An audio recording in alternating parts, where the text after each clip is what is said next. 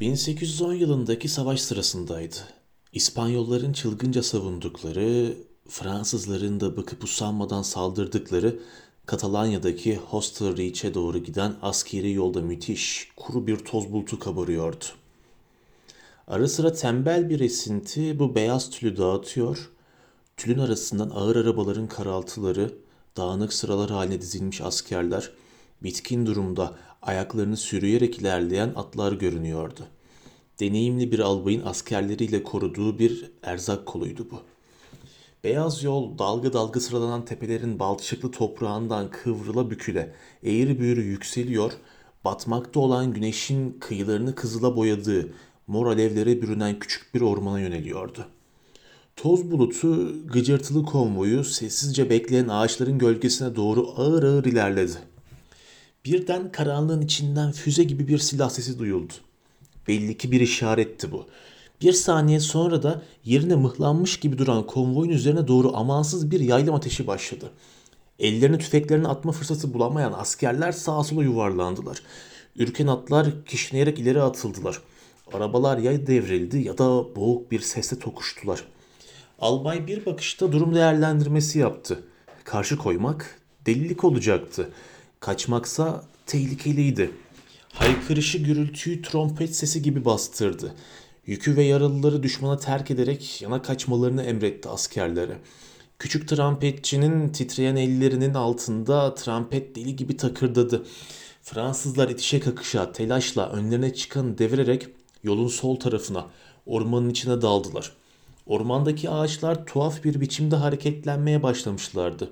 Alışık olmadıkları yükün etkisiyle eğilen ağaçların tepelerinden şimşekler fışkırıyor, karanlık silüetler siyah yılanlar gibi dallardan aşağı kayıyorlardı. Bazen de boğuk bir sesle dev bir meyve gibi öfkeyle geri yaylanan dallardan insan kütleleri düşüyordu aşağı. Çalılıkların arasına sinmiş olan İspanyollar yamacın tepesindeki düzlüğe ulaşmak amacıyla umarsızca ileri atılan Fransızların neresi olduğuna bakmadan karanlığa sapladıkları süngülerinden kaçıyorlardı.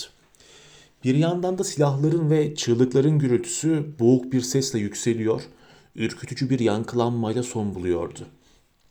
Elinde tabancası ve kılıcıyla albay en önde koşuyordu. Birden eli kasıldı. Kolu havayı tutmak istercesine yukarı atıldı. Ayağı bir ağacın köküne takılmış, birden ileri fırlayınca da başı ağaca şiddetle çarpmıştı. Albay boş bakan gözlerle bir çalığın kuytusuna düştü ve çalığın dalları hızla üzerine kapandı. Bayılan adamın yanı başında çatışma sürüyordu. Albay gözlerini açtığında tek başına karanlık ve sessizlik içinde yatıyordu. Başının üstündeki dallar akşamda kararan gökyüzüne doğru sallanıyorlar, havayı boğuk bir uğultuyla dolduruyorlardı. Başını kaldırmak istediğinde dudaklarının kanlı olduğunu hissetti. Ne düşündüğünü bilemeden yüzüne kamçı gibi inmiş olan incecik ağaç dallarının bıraktığı izleri elleriyle yokladı. Birden her şeyi hatırladı. Baskının yapıldığı yerden doğru rüzgar belli belirsiz, koşumlu atların ve uzaklaşan tekerleklerin birbirine karışan gürültüsünü getiriyordu. Sesler gitgide uzaklaşıyordu. Galip gelen haydut çetesinin ganimetini kaçırdığı anlaşılıyordu. Aklının başına gelmesiyle birlikte yoğun bir acı da duydu. Albay artık karar verme olanağının bütünüyle kendi elinden kayıp gittiğini, bundan böyle kaderin eline düşmüş olduğunu anlamıştı. Bilmediği bir ormanda, düşman ülkesinde bir başınaydı. Kılıcının parıldaması, yerdeki çalı çırpının çatırdaması düşmanın eline geçmesine yeterdi. Asilerin işkencesine hazır, savunmasız bir av olurdu. Çünkü Ogerya yollara dar ağaçlarından döşediğinden beri İspanyollar yargılanmadan kurşunlandığından beri Fransızlar terk edilmiş köylerde dehşet verici intikam izlerine rastlar olmuşlardı. Ağır ateşte yakılan askerlerin kömürleşmiş bedenleri, kazağa oturtulmuş tutsakların çürümekte olan cesetleri, çekilen işkencelerin ve insanlık dışı bir gaddarlığın korkunç tablolarıydı bunlar. Bütün bunlar zihninde bir anda apaçık beliri verince albay titredi, ateşe çıkmış gibi sarsıldı. İçine kısıldığı bu belalı orman çevresinde gitgide karararak uğulduyordu.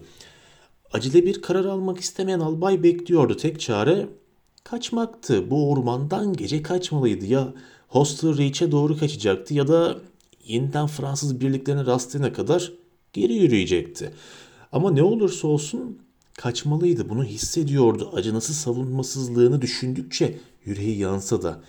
Ağaçların tepesinde görünen solgun ışık henüz harekete geçmesine izin vermiyordu. Dişlerini sıkıp gözleri yanarak çalılığın dibinde kıpırdamadan yatıp beklemek zorundaydı. Yeşil pırıltılarla akşam pusunun içinden sıyrılıp gökte yükselecek tepsi gibi ayı bekleyecekti. Toprağın her titreşine kulak kabartacaktı. Havadaki her titreşime, ormanın içinden gelen her kuş sesine, akşam rüzgarının salladığı dallardaki her iniltiye, Mısır'ın bitmek bilmeyen gecelerine bitimsiz bir suskunlukla ve adlandırılamayan bir tehditle dolu. Kükürt çalığı gökyüzünü hatırlayınca içi ürpertiyle doldu. Kurtulmaz olanaksız bir biçimde terk edilmiş olmanın ağırlığı yüreğine çöktü. Saatler sonra soğuk ay ışığının altında orman buz tutmuşçasına uzanırken baskına uğradıkları yere doğru dizlerinin üzerinde ihtiyatla emekledi. Titriyordu ama korkudan değil de ne olduğunu bilmediği bir şeyi beklemenin harlı ateşinden. Çektiği heyecan için korkunç bir işkence olan inanılmaz bir ihtiyatla dört ayağı üzerinde çalıların, birbirine girmiş otların ve ağaç dallarının sert ağının arasından öne doğru ilerledi. Ağaçtan ağaca giderken yüzyıllar geçmiş gibi geliyordu ona. Sonunda ana yol, bir göl gibi aydınlık, otların uykulu karanlığın arasından göründü. Rahat bir soluk alarak doğruldu. Elinde tabancası ve hazır tuttuğu kılıcıyla ıssız yola doğru koşmaya hazırlandı. Birden irkildi. Bir gölge fırlamıştı önüne ve geri kaçmıştı. Bir kez daha gelip gitmişti. Ne olduğu anlaşılmıyordu ama yine de serin bir esinti kadar hissediliyordu. Albay tabancasına yapıştı ve ağaçların arasındaki karanlığa dikti gözlerini ama hiçbir ses gelmiyordu oradan. Yine de gölge yavaş yavaş ve sürekli olarak yoldaki çakılların üzerine vuruyor ve bir anda cin gibi yeniden silinip gidiyordu. Saat sarkıcı gibi gidip geliyordu. Gizemlice ve sessizce gecenin içinde bir hayalet gibi. Albayon'un hareketlerini solun tutarak izledi. Gözlerini ay ışığına çevirince birden irkildi. Tam başının üstünde genç bir mantar meşesinin yere eğilmiş dallarından birinde çıplak bir ceset sallanıyordu. Ay ışığın donuk ışıltısının da soluk ve ürkünç bir biçimde parlıyordu. Albay dehşet dolu gözlerini ağaçtan ağaca çevirdikçe bu korkunç tabloda çoğaldı. Ağaçların tepelerindeki gölgelerin içinde sallanan ve ürpertici yarı karanlığın pek az aydınlatabildiği ölüler, solgun gövdeleri rüzgarda oradan oraya savrulurken sanki tuhaf işaretler ediyorlardı. Albay cesetlerin çarpılmış yüzlerinin üstünde kendi askerlerinin alay edercesine oturtulmuş kasketlerini görünce gırtlağından can çekişircesine bir hırıltı yükseldi. Askerleri, o cesur yürekli çocuklar, daha dün nöbet ateşinin başında oturup şakalaştığı çocuklar, tüy yolunmuş, boğazı sıkılmış tavuklar gibi. O haydutlar, o yol kesenler, İspanyollar tarafından asılmışlardı. Alçakla öldü, alçakça öldürülmüşler. İşkence edilmişler, sövülmüşler, yüzlerine tükürülmüştü. Öfkeden titreyerek ayağa kalktı. Herhangi bir şey yapmak ihtiyacı içinde ağaçların sert gövdelerini yumrukladı. Sonra da dişlerini sıkıp kendini yere attı. Otları köklerinden koparıp ellerinin içinde eziyor, çaresizliğin verdiği acıyla alev alev yanıyor. Bir şey yapmak, haykırmak, sağ solu yumruklamak, birilerini boğmak, öldürmek arzusuyla yanıp tutuşuyordu. İçinde bir şeyler dolup taşıyor. Öfkesinin ve çaresizliğin alevi gitgide yükseliyordu. Yolun üzerindeki gölgeler ve ormanın boğuk sesli uğultusu da kesilmiyordu. Albay yıllardır ilk kez olmak üzere gözyaşlarının neden olduğu bir yanma duydu gözlerinde. Kendisini bu canilerin, ölülere saygısı olmayan bu insanların ülkesine gönderdiği için Napolyon'u ilk kez lanetle andı. Ve bu ad bu çığırından çıkmış derin hiddeti iyice depreştirdi. Albayın elleri alev alev yanıyordu. Ansızın bir gürültü, bir ayak sesi, kan ve soluk, heyecan ve gazap, düşünce ve hesaplama bir saniyelik bir bekleyişe dönüştü. Gerçekten de bir ayak sesiydi bu. Koşarak yaklaşan adımlar vardı. Çok geçmeden de yolun ormana girdiği yerde ağaçların arasında bir gölge belirdi. Albay içgüdüsel olarak karanlıkta çömeldi. Elindeki silahları hırsla sıktı. Ayın hafif ışığında gelenin bir İspanyol olduğunu görünce göğsü sıkıştı. Heyecanla inip kalktı. Bir haberciydi bu belki. Bir çoban, bir çapulcu, yolunu şaşırmış biri, bir köylü, bir dilenci de olabilirdi ama albayın elleri yanıyor, karıncalanıyordu. Bir İspanyoldu o adam, bir katil, bir alçaktı. Duyduğu hırs ve arzu birleşip coşkuyla bir hedefe yöneldi. Pusuda bekleyen albay İspanyol'un bir adım öne geçmesine izin verdi. Sonra da boğuk bir haykırışla şaşkın adamın üstüne atladı. Sol eliyle onun boğazına yapışırken dehşet dolu haykırışını parmaklarıyla bastırdı. Ve sonra ölümle savaşırken şişen gözlerin karşısında bir an şehvetle duraladıktan sonra hançerini kurbanının sırtına sapladı. Yavaşça, acımasızca ve tadını çıkararak. Sonra da artan öfkesiyle üst üste sapladı. Gitgide hızlanarak sırtına ve gırtlağına soktu hançerini. Sonunda hançerin sapı ters döndü ve kendi eline battı. Duyduğu acı ve ılık ılık akan kan öfkeden gözü dönen albayın aklını başına getirdi. Tiksinerek cesedi yere itti. Ceset yuvarlanıp çukura yöneldi ve boğuk bir ses çıkararak düştü. Sonra serin akşam havasını derin derin soludu albay. Birden müthiş rahatlamıştı. Artık ne öfke hissediyordu ne de korku, ürkü, pişmanlık ya da hararet. Hissettiği yalnızca serin serin, ay gibi serin, dolu dolu, tatlı bir esintiyle şişen ve dudaklarına değip geçen havaydı. Bedenine yeniden güç ve cesaret doldu. Aklı başına geldi. Dimdik durdu. Kendini yeniden Napolyon albayı olarak hissetti. Düşünceleri dingin ve sağlam bir biçimde geçmişten geleceğe döndü. Aceleyle gözlerini kör eden bir öfkeyle öldürdüğü adamın cesedi kendisine ele verecekti. Ya bunun farkındaydı. Titrek ay ışığı altında neredeyse hortlamış gibi canlı duran o çarpılmış yüzün üzerine eğildiğinde o cam gibi gözler kendisine korkutucu bir ifadeyle baktılar. Ama albay ne korku duydu ne de pişmanlık. Gelip geçici bir dehşet duygusuyla bile ürpermedi. En ufak bir korku duymadan cesedi tuttu, çıtır çıtır kırılan çalıların arasından geçirip daha önce kendisinin gizlendiği yere doğru sürükledi. Ağır gövdeyi ağaçların arasına fırlattı. Soluk aldı. Artık hiç heyecanı kalmamıştı. Ama yorgunluk ve yaşadığı korkunç anların gerginliği etkisini göstermeye başlamıştı. Sabah pek uzak olmasa gerekti çünkü ayın ışığı gitgide solmaya başlamıştı. Geç kaldığına karar vererek kaçış planından vazgeçti. Başka olasılıklar düşünmek yerine yorgunluğuna yenik düşerek yere, cesedin hemen iki adım ötesine uzandı ve ağır, deliksiz bir uykuya daldı. Tıpkı İtalya'nın ve Avusturya'nın savaş alanlarında ölümün yalnızlığında uyur gibi. Bulutlu bir sabahın sarı ışığında bu dehşet gecesinden uyanan albay sabah ayazına titrerken boğazında boğulurcasına bir baskı hissederek içinde bulunduğu çaresiz durumu düşündü. Bir asker olduğu apaçık belliydi. Ya o ülkenin dilinde konuşmuyordu. Bu yüzden çevresine alan o karanlık ormandan dışarı bir adım bile atmayı göze alamazdı. Yine beklemesi gerekiyordu. Akşam olana kadar hiçbir şey yapmadan bekleyecekti. Yakından Fransız birliklerinin geçmesini, akla hayale gelmeyen bir şey olmasını umarak bekleyecekti orada. Yavaş yavaş, içini kemiren bir hayvan gibi bir başka ses duyurdu kendini. Rahatsız edici, eziyet edici bir sesti bu. Açlık duygusu bağırsaklarını kemiriyordu. Dudakları susuzluktan kavrulmuştu. İşkence dolu bir gün başlamıştı. Topraktan çekip çıkardığı köklerden emdiği toprak kokulu sıvı gibi yakıcı düşünceler beynini dağılıyordu. Her şey bir son verebilecek olan dolu tabancasını elinde huzursuzca evirip çevirip duruyordu. Tetiğe basmasını engelleyen tek şey ormandaki bir hayvan gibi geberip gitmenin vereceği acıydı. Gururuydu. Yok yere savaşmadan birliğinden uzakta ölmek istememesiydi. Sabahtan akşama kadar bir yüz yıl gibi görünen saatler boyunca kendisini uyuşturan acılar içinde bekledi.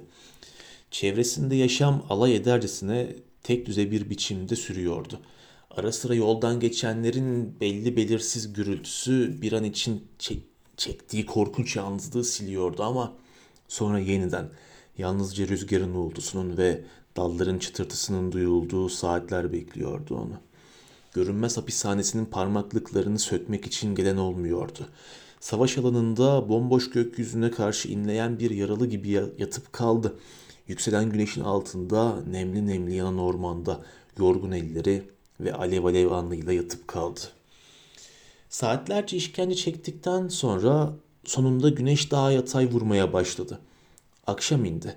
Akşamla birlikte albay umarsızlık içinde kararını verdi. Bir çırpıda giysilerinden sıyrıldı. Onları karanlığın içine fırlattı. Sonra öldürdüğü İspanyol ölüsünün yüzüstü yattığı yerdeki birbirine girmiş yapraklarla eliyle yokladı. Cesedi oturttu, giysilerini birer birer çıkardı üstünden. Ölümle kasılıp kalmış elinden de kanlı atkısını yırtarcasına çekti. Aldığı bu son vazgeçilmez karara uyarak hiçbir korku duymadan İspanyol'un giysilerini giydi. Henüz kurumamış kan lekesinin genişçe yayıldığı pelerini de sırtına attı. İşte böyle kaçacak, ekmek dilenecekti. Bedenini paramparça eden ateşi söndürecek. Bu dehşet ağından, bu ölüm ormanından kendisini kurtaracaktı.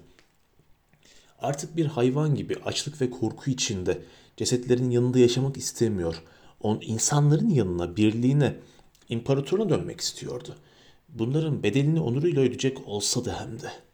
Üniformasını bir reset gibi terk edilmiş görünce boğazına bir hıçkırık tıkandı. Bu üniformayı tam 20 yıl savaşta giymiş, karnında çocuğunu taşıyan anne gibi o da bu üniformayla tek beden olmuştu. Ama çektiği açlık onu yola, batıya doğru itti. Son bir kez veda edercesine arkasına baktığında gözyaşlarının arasından parlayan bir göz gördüğünü sandı. Napolyon'un savaş alanında taktığı madalyaydı gördü. Onu burada bırakamazdı. Ya kanlı hançeriyle madalyayı elbiseden kopardı ve cebine attı. Sonra yürüdü, öne atıldı, koştu, yola doğru fırladı. Ormandan aşağı yukarı bir mil kadar uzakta küçük, tenha bir köy bulunduğunu biliyordu. Bölüğü orada mola vermişti. Açlık içini parçalar ve kanı şakaklarında zonklarken atlara su verdikleri alanda yuvarlak bir çeşme olduğunu hatırlar gibi oldu. İspanyolların esmer yüzleri de gözlerinin önüne geldi. Duydukları kini güçlükle bastıran o adamların yüzleri. Ama açlık duygusu bütün bunları bastırdı, sildi. Karanlığa gömülmüş olan yolda neredeyse tökezleyerek koştu. Şapkasıyla yüzünü örtmüş, koşarken kabaran açlığını bastırabilmek için durmadan koşuyordu. Soluk soluğa koştu da koştu. Sonunda karanlığın içinden şekiller belirdi. Çöken akşam bulutlarının içinden kibrit kutusu gibi küçük evler göründü. Ağır adımlarla alana gitti ve önce köpüre köpüre akan suyu midesine indirdi. Ellerini ve yalan alnını hırsla suyun altında tuttu. Bitmek bilmeyen saatlerden sonra ilk kez kısa süren bir rahatlama sardı içine ama az sonra midesindeki açlık duygusu yeniden bir yumruk gibi sertleşince albay gördüğü ilk kapıya yöneldi. Yıkık dökük kapıyı çekinerek tıklattı. Sarı yüzü kırış kırış yaşlı bir kadın kapıyı azıcık aralayarak kötü bakışlı, kuşkulu gözlerini albaya dikti. Hiç konuşmadan dudaklarını işaret eden albay yalvarır gibi bir hareket yaptı. O anda asker yüreği ölmüş. Yukarıdaki ormanda kılıcı ve giysileriyle birlikte gömülmüştü. Kadın hayır diyerek sırtını döndü ve kapıyı kapamak istedi. Ama evden yayılan yağlı yemeklerin kokusuyla, yanık kokusuyla başı dönen, duyduğu açlıkla artık bir hayvandan farkı olmayan aç adam gururunu bir yana bırakarak dehşetle geri çekilen kadının kolunu yakaladı. Yalvarmak istedi. Gözlerinde çılgınlığın alevi ışıl ışıldı. Kadın yanıt vermek yerine evin kapısını zorla içeri girmek isteyen adamın yüzüne çarpınca albay sersemledi ve geriye doğru sendeledi. Ağzından bir ağır Fransızca küfür döküldü. Korkuyla çevresine baktı albay. Bereket duyan kimse olmamıştı. Sağır dilsiz numarası yaparak dilenmeyi sürdürebilirdi. Ve bunu yaptı da yüreği yanarak ev ev dolaştı. Sonunda biraz mısır ekmeği kırıntısıyla 5-6 tane soğuk zeytin tanesi verdiler eline. Ya, büyük bir hırsla hepsini mideye indirdi. Açlığını, tiksintisini, utancını da birlikte yuttu. Bir hayvan gibi yedi hepsini. Donuk bakışlarla ve gerilmiş yüz hatlarıyla. Köyün ucundaki kara kulübeye vardığında ellerinde bir şey kalmamıştı. Gecenin gölgeleri dört bir yanında büyürken içinde yeniden korkunç bir düşünce yükseldi. Nereye gidecekti? Aslında kaçmak istemişti. Geriye, birliğinin gitmiş olduğu yola doğru ama şimdi ayakları kurşun gibiydi. Bütün enerjisi tükenmişti. Bir yabancının giysilerini giyip dilenerek evden eve dolaştığından beri cesareti de atılganlığı da silinip gitmiş, yaşam arzusu solmuştu. Sanki her yanı uyuşup kalmıştı ve hiç farkında olmadan içgüdüsel olarak ayaklarını sürüyerek yeniden o ormana döndü. Gizemli gücüyle kendisini yakalar, tutar ve kandırır gibi olan o ormana. Bir zamanlar askerleriyle birlikte neşe içinde tasasızca geçtiği o yol kendisini yeniden ormana götürdü. Oysa o yolun sonunda ölüm vardı. Kara dalların arasında hala asıl duruyordu ölüm. Sinsice hışır diyordu. Dinlenmek, dinlenme ihtiyacı, dinlenmenin vereceği uyuşukluğun içinde eriyip gitmek, kendisini dayanılmaz bir biçimde ağaçların karanlığına çekiyordu. Yokuşu bitkinlik içinde binbir güçlükle tırmandı ve hiçbir şey düşünmeden, hiçbir şey duymadan kendini karanlığa, yolun hemen kıyısına bıraktı. Daha fazla ilerlemeyi göze alamamıştı. Ölünün gözleriyle karşılaşmak, kanlı bir paçavra olarak nispet yaparcasına karanlıkta duran kendi asker elbisesini görmek istemiyordu. Bu simgelerde ölümün varlığını hissetmek istemiyordu. Bir din adamı kadar inançla cebindeki onur madalyasını sıkı sıkı tuttu. Ya bu onun sevinci, feryadı, umuduydu. Ve yeni bir gece başladı. İkinci korkunç gece. Sayısız soğuk yıldızla, ay ışığıyla dolu bir gece. Ağır bir yalnızlığı aşağı akıtan, sonsuz bir sessizliğin hüküm sürdüğü gök kubbenin ıssızlığıyla dolu bir gece. Albay içleri yanan, çılgınca bakan kupkuru gözlerini anlamsız karanlığa doğru bembeyaz uzayan yola dikti. Bu yoldan ne gelebilirdi? Umut mu? Kurtuluş mu? Arkadaşları mı? Binebileceği bir posta arabası mı? Fransız birlikleri mi? Ama bütün bu düşünceler karma karışık bir biçimde o devasa yorgunluğun içinde birleşiyorlar. Yaprakların boğuk hışırtısıyla, uzaktaki yıldızların titrek parıltısıyla ve kayıp giden ay ışığıyla kaynaşıyorlardı.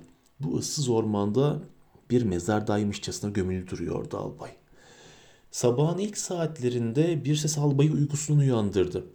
Bir kuş sesi sandı önce. Bir ağ gibi yayılan sabah sesinin içine yarı uyur yarı uyanık gözlerini dikerken bir kez daha aynı ses. Uğursuz bir düş değil miydi bu ama bu sefer çok keskin, çok belirgin bir boru sesiydi duyduğu. Yaklaşan askerlerin trompet sesleriydi. Kanı damarlarında dondu. Bunlar Fransızlar olabilir miydi? Dostları, kurtarıcıları. Yaşama geri dönebilecek miydi?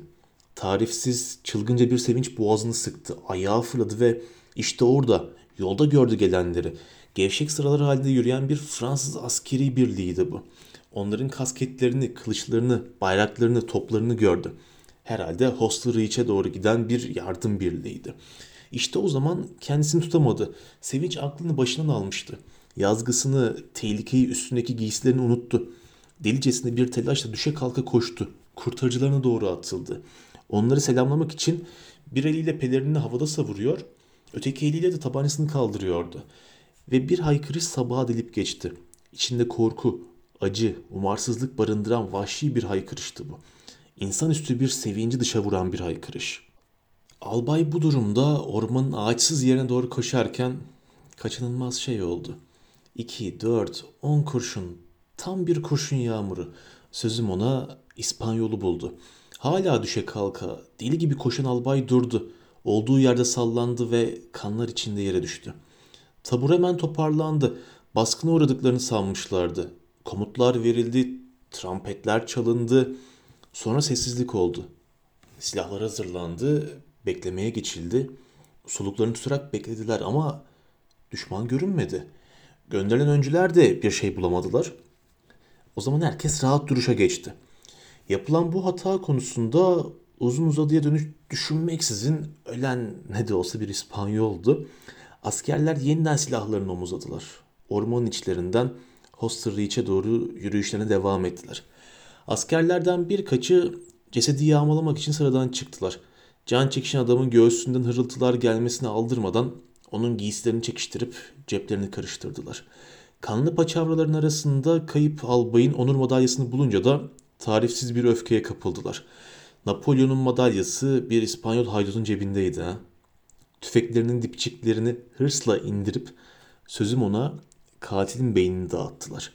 Öfkeden gözleri dönerek adamın çıplak bedenini yumrukladılar ve küfürler savurarak onu tekmelediler. Sonra da zavallının cesedini tutup tarlaya doğru öyle bir fırlattılar ki albay havayı korkunç bir biçimde kollarıyla yararak, kolları bacakları iki yana açılarak kocaman parlak bir haça benzeyerek kavrulmuş kara keseklerin üzerine ak bir leke gibi düştü.